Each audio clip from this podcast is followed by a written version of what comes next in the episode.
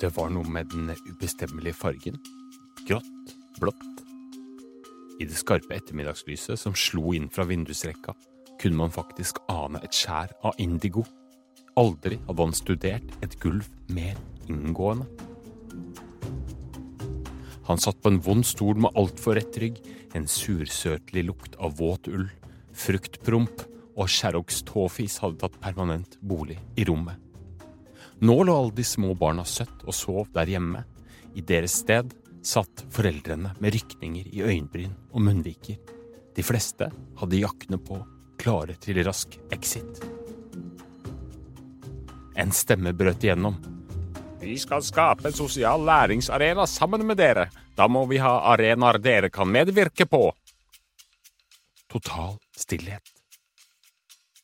Flere titall hoder bøyde seg 90 grader med synkronsvømming-presisjon. De neste minuttene skulle alt handle om én ting. Utholdenhet.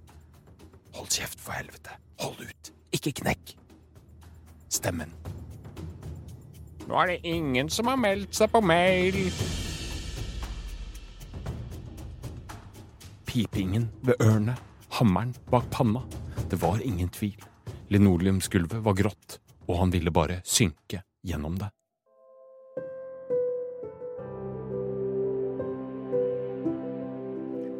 Hei og velkommen til en ny episode av Foreldrekoden. Hedvig Montgomery, du sitter her, du, som vanlig. Hei, hei. Hei. Hei. Ja, du og alle andre her fikk høre meg selv ubeskjedent nok lese opp introen til en artikkel skrevet av meg selv.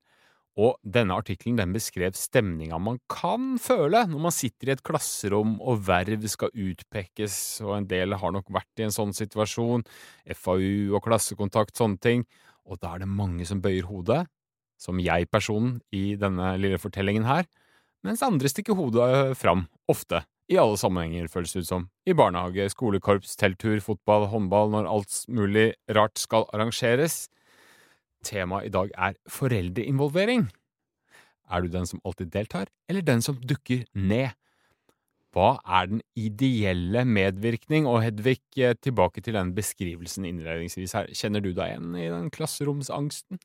Å, absolutt. Ja. Det å føle at jeg burde ha sagt ja til noen ting, og at jeg absolutt ikke har tid og mulighet, og ikke må velge dette, for det er feil arena for meg, Ja.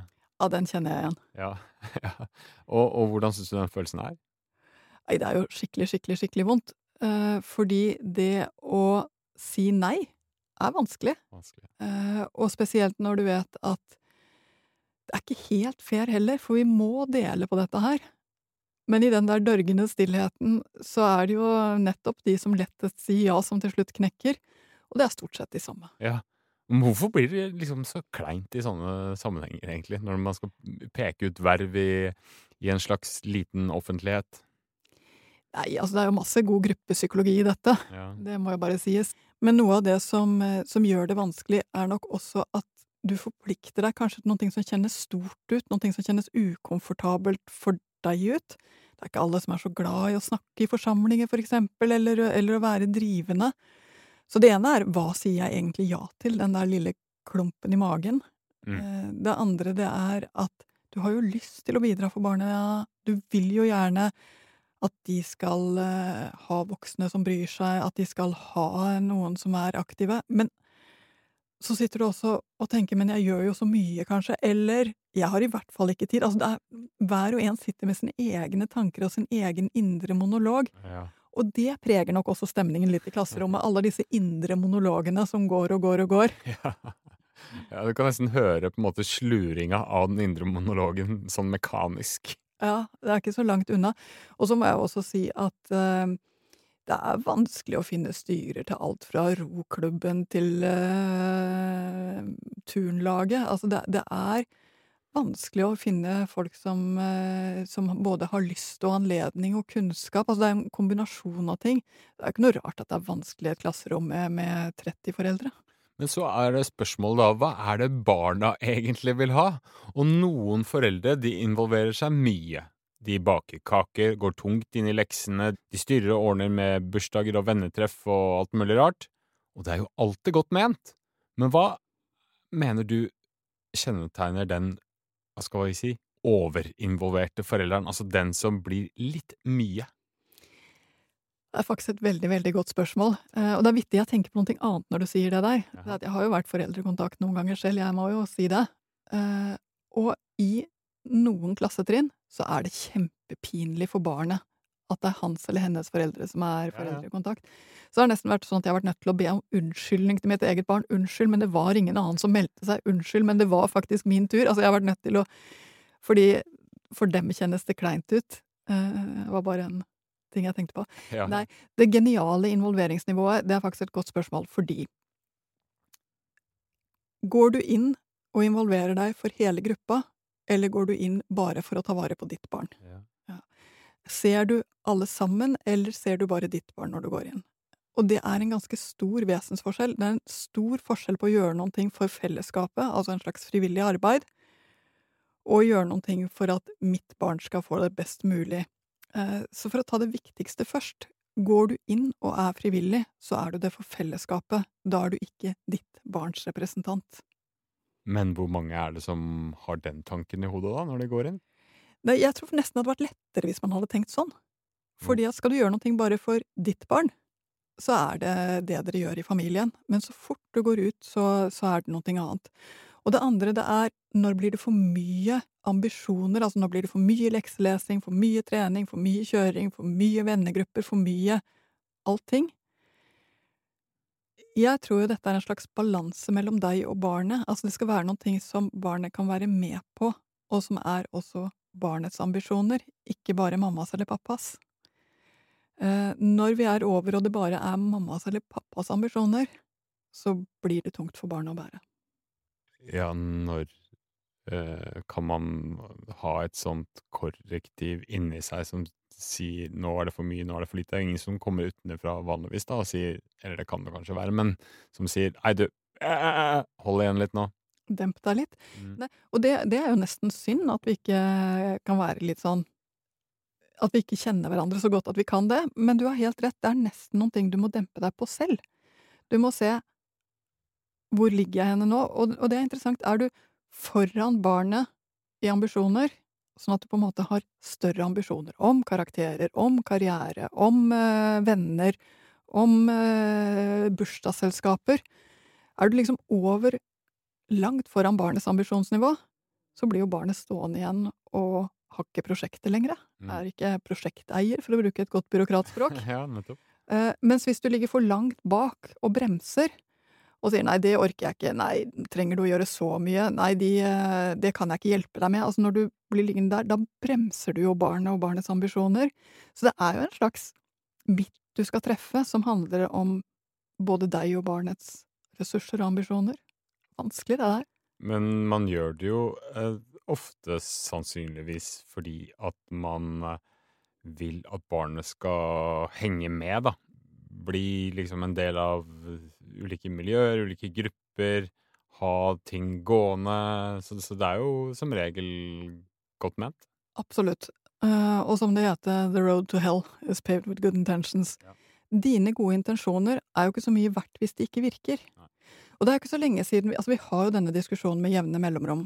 Uh, Tiger Mom. Ja. Den asiatiske foreldrestilen som handler om å presse barna sine til maks, få dem til å yte maksimalt, for det er da man klarer seg. Er det egentlig det som trengs? Har vi latt barna bli for slappe? Har vi foreldre havnet så bakpå at vi bare lar dem skli inn i dataspillverden fordi vi ikke organiserer, fordi vi ikke vil ting på deres vegne, ikke sant? Mm. Eh, og når jeg sier det sånn, så, så blir det jo så tydelig at både for mye og for lite blir feil. Mm. Men disse har en tendens til å drive hverandre. De veldig aktive foreldrene tar på en måte Blir nesten litt sånn skrekkeksempler Mm. for andre foreldre, som da bare tenker sånn skal jeg i hvert fall ikke bli, og så blir de bare stillere og stillere og stillere, og kanskje for lite. Fordi barn er ikke i stand til å løse alle problemer selv, organisere allting selv, tenke alle gode tenk tanker selv, finne alle gode forslag selv. Det er bare at blir det for mye av det, så blir det ikke noe plass til å føle at det er jeg som gjør det. Og blir det for lite av det, så blir det kanskje ingenting. Da blir det bare dataspill. Men tenker du at man da skal spørre barna, da? Eh, sånn Hva syns du om at eh, jeg nå går inn her og gjør dette for deg, er du enig i det? Skal, eller skal man Hvilken rolle skal man egentlig sånn innta da? Nei, nei. Når det kommer til eh, klassekontaktspørsmålet, Ja. så tror jeg der du bare må tenke at en eller annen gang i løpet av eh, ti skoleår, så er det din tur. Mm. Eh, og at den rundgangen må man bare være en del av. Eh, og så når barna har kommet opp og er på mellomtrinn eller ungdomsskole hvor de syns det er pinlig, så er det bare å si det. Akkurat nå var det min tur, så jeg gjør det. Og så gjøre det for fellesskapet. Mm. Eh, virkelig tenke at når du sitter der, så er det alle barnas og alle foreldrenes representant du er, ikke bare ditt barns. Mm. Så det er helt greit. Når det gjelder hvor mye du skal involvere deg i barnas fritidsaktiviteter, skal du være trener? Ja. Skal du eh, være kasserer? Mm. Skal du eh, være med på alle turene? Så må jeg si at der tror jeg at det er en kombinasjon av å gjøre det som må til for at disse aktivitetene skal gå rundt, Ja. og faktisk være gjennomførbare, men også passe på at barnet får lov til å gjøre det selv. Mm. Du skal ikke verken eh, spille håndballkamp for barnet eller eh, organisere den turen. Det er, det, er barnet som, det er for barnet, ikke for deg. Men man blir jo fort revet med, da. Å ja, og det, jeg må bare si, det er også en veldig fin ting i det der at du finner et foreldrefellesskap, at det er en hyggelig ting å gjøre også. Jeg syns det er veldig hyggelig å være med på en del eh, av mine barns aktiviteter. Treffe andre foreldre, se andre barn, få lov til å være litt nyttig, rett og slett. Så eh, jeg gleder meg over det, men så har jeg jo et barn som syns det er kjempehyggelig at jeg er med, og så har jeg et annet barn som godt kan tenke seg å klare seg selv. Og da snakker jeg med dem på litt forskjellig måte. Med han som gjerne vil at jeg skal være med, så må jeg bare si jeg vet, men andre foreldre må også få slippe til. Mens med den andre sier at nå, nå er det min tur, og nå er det jeg som må gjøre det. Dette, akkurat denne gangen er det meg. Så, så det, er, det kommer jo an på barnet hvordan du snakker med barnet om det.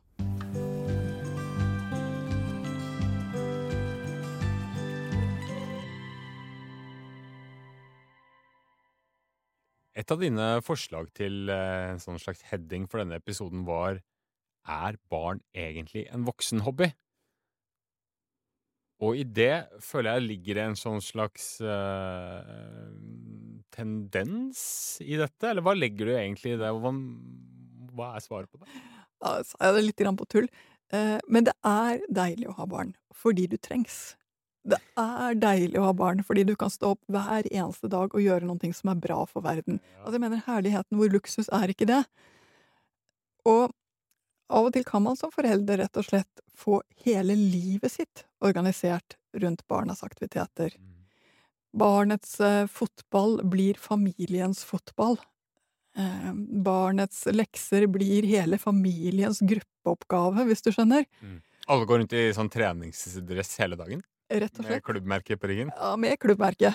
Eh, og det er klart at da da, er, da får du jo mer av denne meningen, og du får gjort noen ting som kanskje til og med er veldig nyttig for samfunnet, men på et eller annet tidspunkt så, så blir du kanskje mer involvert enn det barnet er.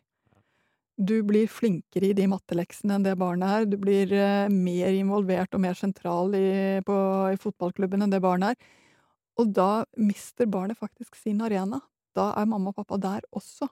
For noe av det som skjer når barn kommer opp i skolealder, er at de trenger å finne noen sånne steder å være utenfor familien, hvor de får lov til å vokse frem og bli seg selv uten at det er forelderens kraftige eh, kontakt som gjør noen ting.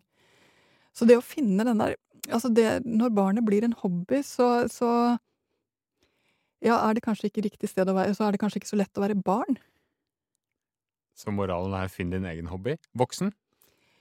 Ja, eller finne at du kanskje ikke skal trene det laget som barnet er på, men eh, dra over til naboklubben eller eh, en, et av de andre årskullslagene. altså finne en måte som gjør at eh, du får lov til å ha din egen hobby, som kanskje gir litt felles kontakt og glede, men som ikke blir fullstendig vevd inn i hverandre. Mens vi er inne på overskrifter som kanskje ikke ble noe av, så var et annet forslag som du hadde for mye foreldremagi? Spørsmålstegn. Og som mange veit, så er jo det Foreldremagi er jo tittelen på din populære bokserie. Ligger det lite sånn selvkritikk i det forslaget? Altså, er det det derre forståelseskulturen eh, som har gone litt wrong, og som da skaper den overivrige forelderen? Absolutt. Og jeg kan ha massevis av dårlig samvittighet for ting jeg har gjort. Eh, mer enn det du jeg kanskje har godtatt til tider.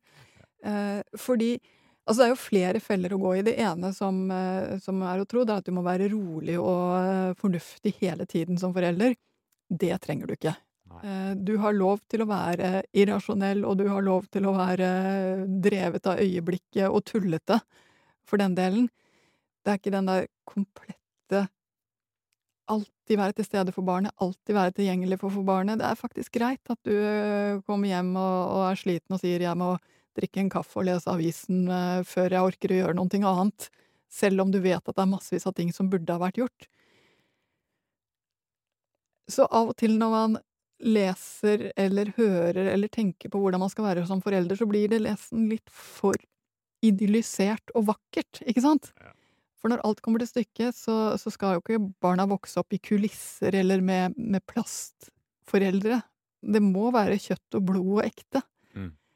Um, og det er lett å tenke på hvordan skal jeg bli som mamma. Jeg skal i hvert fall ikke bli som mine egne foreldre. Jeg skal være mer med på i mine barns aktiviteter. Jeg skal følge med sånn at han eller hun får lov til å utfolde seg. Jeg skal stå og heie hver eneste søndag, eh, og alle andre dager også hvis det trengs.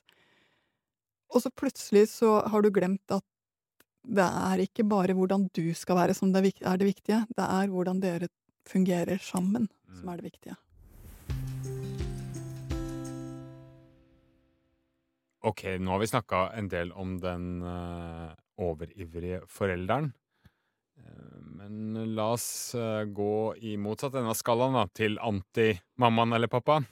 Som også var litt i eksempelet innledningsvis, altså. Den som alltid dukker litt unna, og som gjemmer seg litt, og som helst ikke vil stille opp. Ja, og det, og det er jo Kan jo oppfattes som ganske sånn sleipt og unnvikende og svikefullt. Eh, I hvert fall holdt opp mot den norske deilige dugnadsmodellen, da. Men hva er tegnene på at man involverer seg for lite i barnas eh, ja, fritid og, ulike måter få oppfølging, da?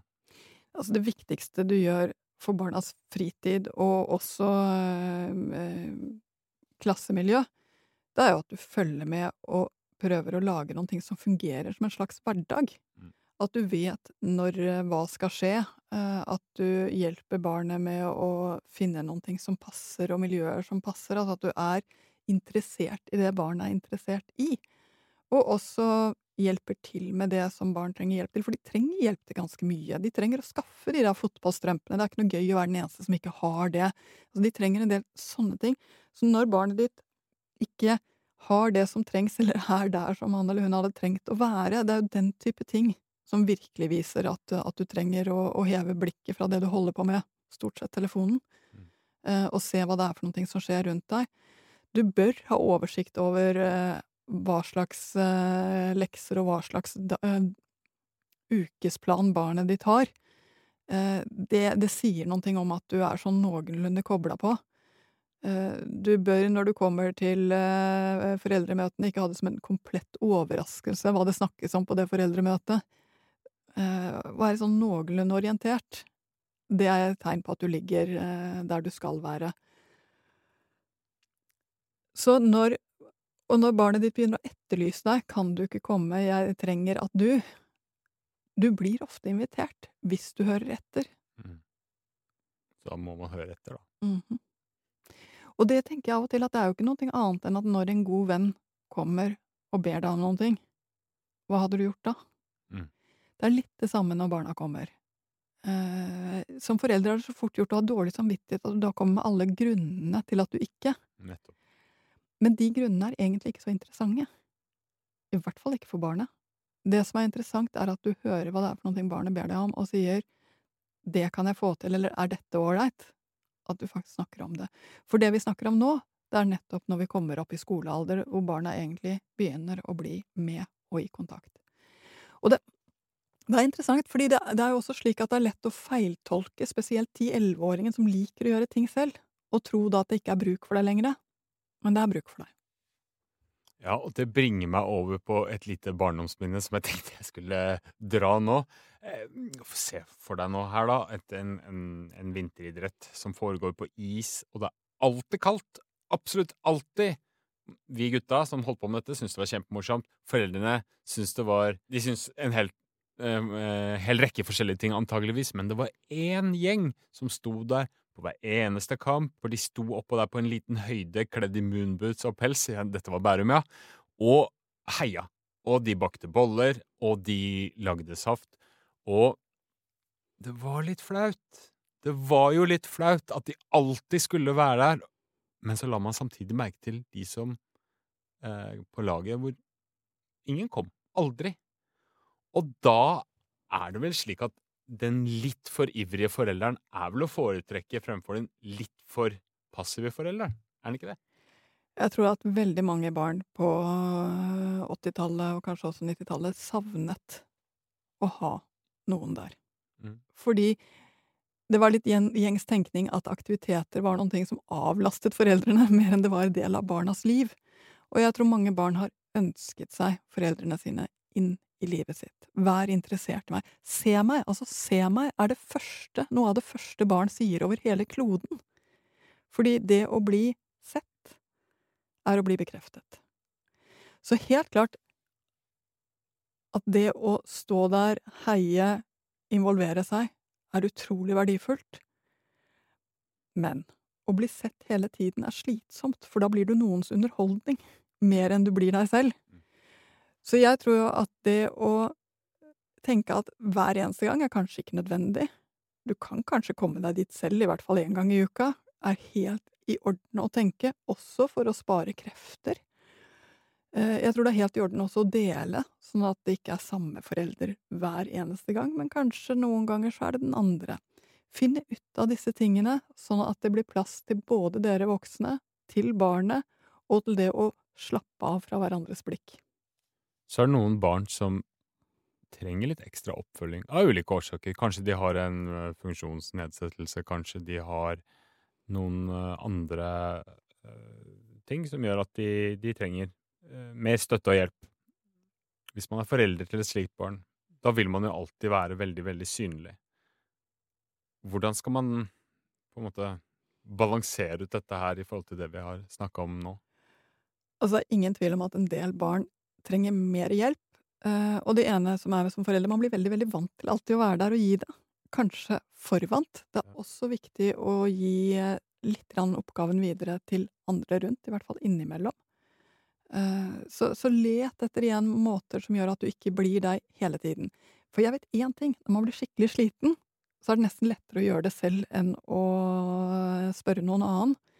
Det, det er jo alltid fortest å gjøre ting selv. Men på sikt gjør deg, det deg skikkelig, skikkelig, skikkelig sliten som forelder. Eh, så tenk litt igjennom hvem kan ta ansvar for dette, hvordan skal jeg formulere det sånn at det blir på en ålreit måte, og sånn at barnet mitt klarer seg fint. Hva slags tilrettelegging er det egentlig som trengs? Og hva er det jeg gjør bare av gammel vane, eller fordi jeg er redd for at det skal gå galt, uten at det nødvendigvis trenger å gjøre det. Kommer veldig an på hva det er for noen ting, men jeg vet hvor lett det er å fortsette nesten av gammel vane å være litt ekstra påpasselig, også der hvor du kunne ha sluppet litt mer opp.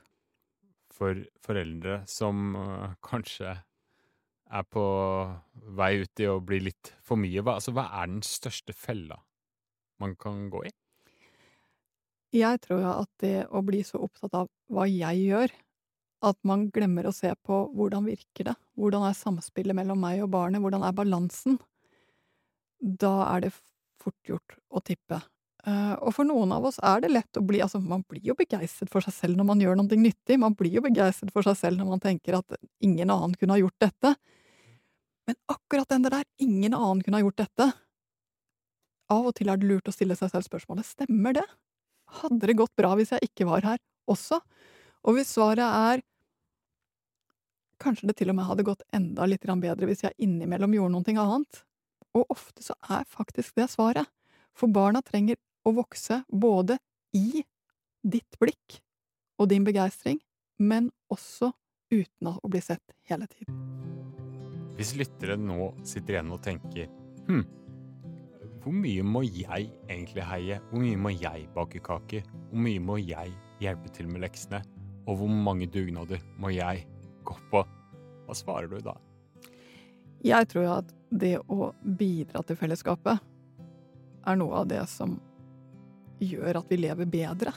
Eh, man er fornøyd når man har levert inn den der kaka som, eh, som blir solgt, eh, og som gir inntekt til hele klubben. Det er et eller annet med dette her som er, som er å bidra som, som er fint.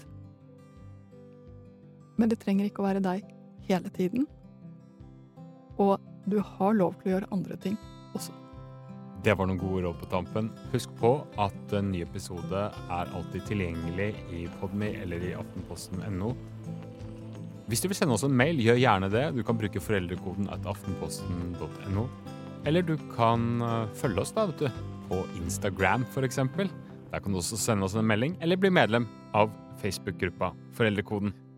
Vi ønsker deg en fin uke, gjør vi ikke det, Hedvig? Det gjør vi absolutt. Riktig god uke. Ha det bra.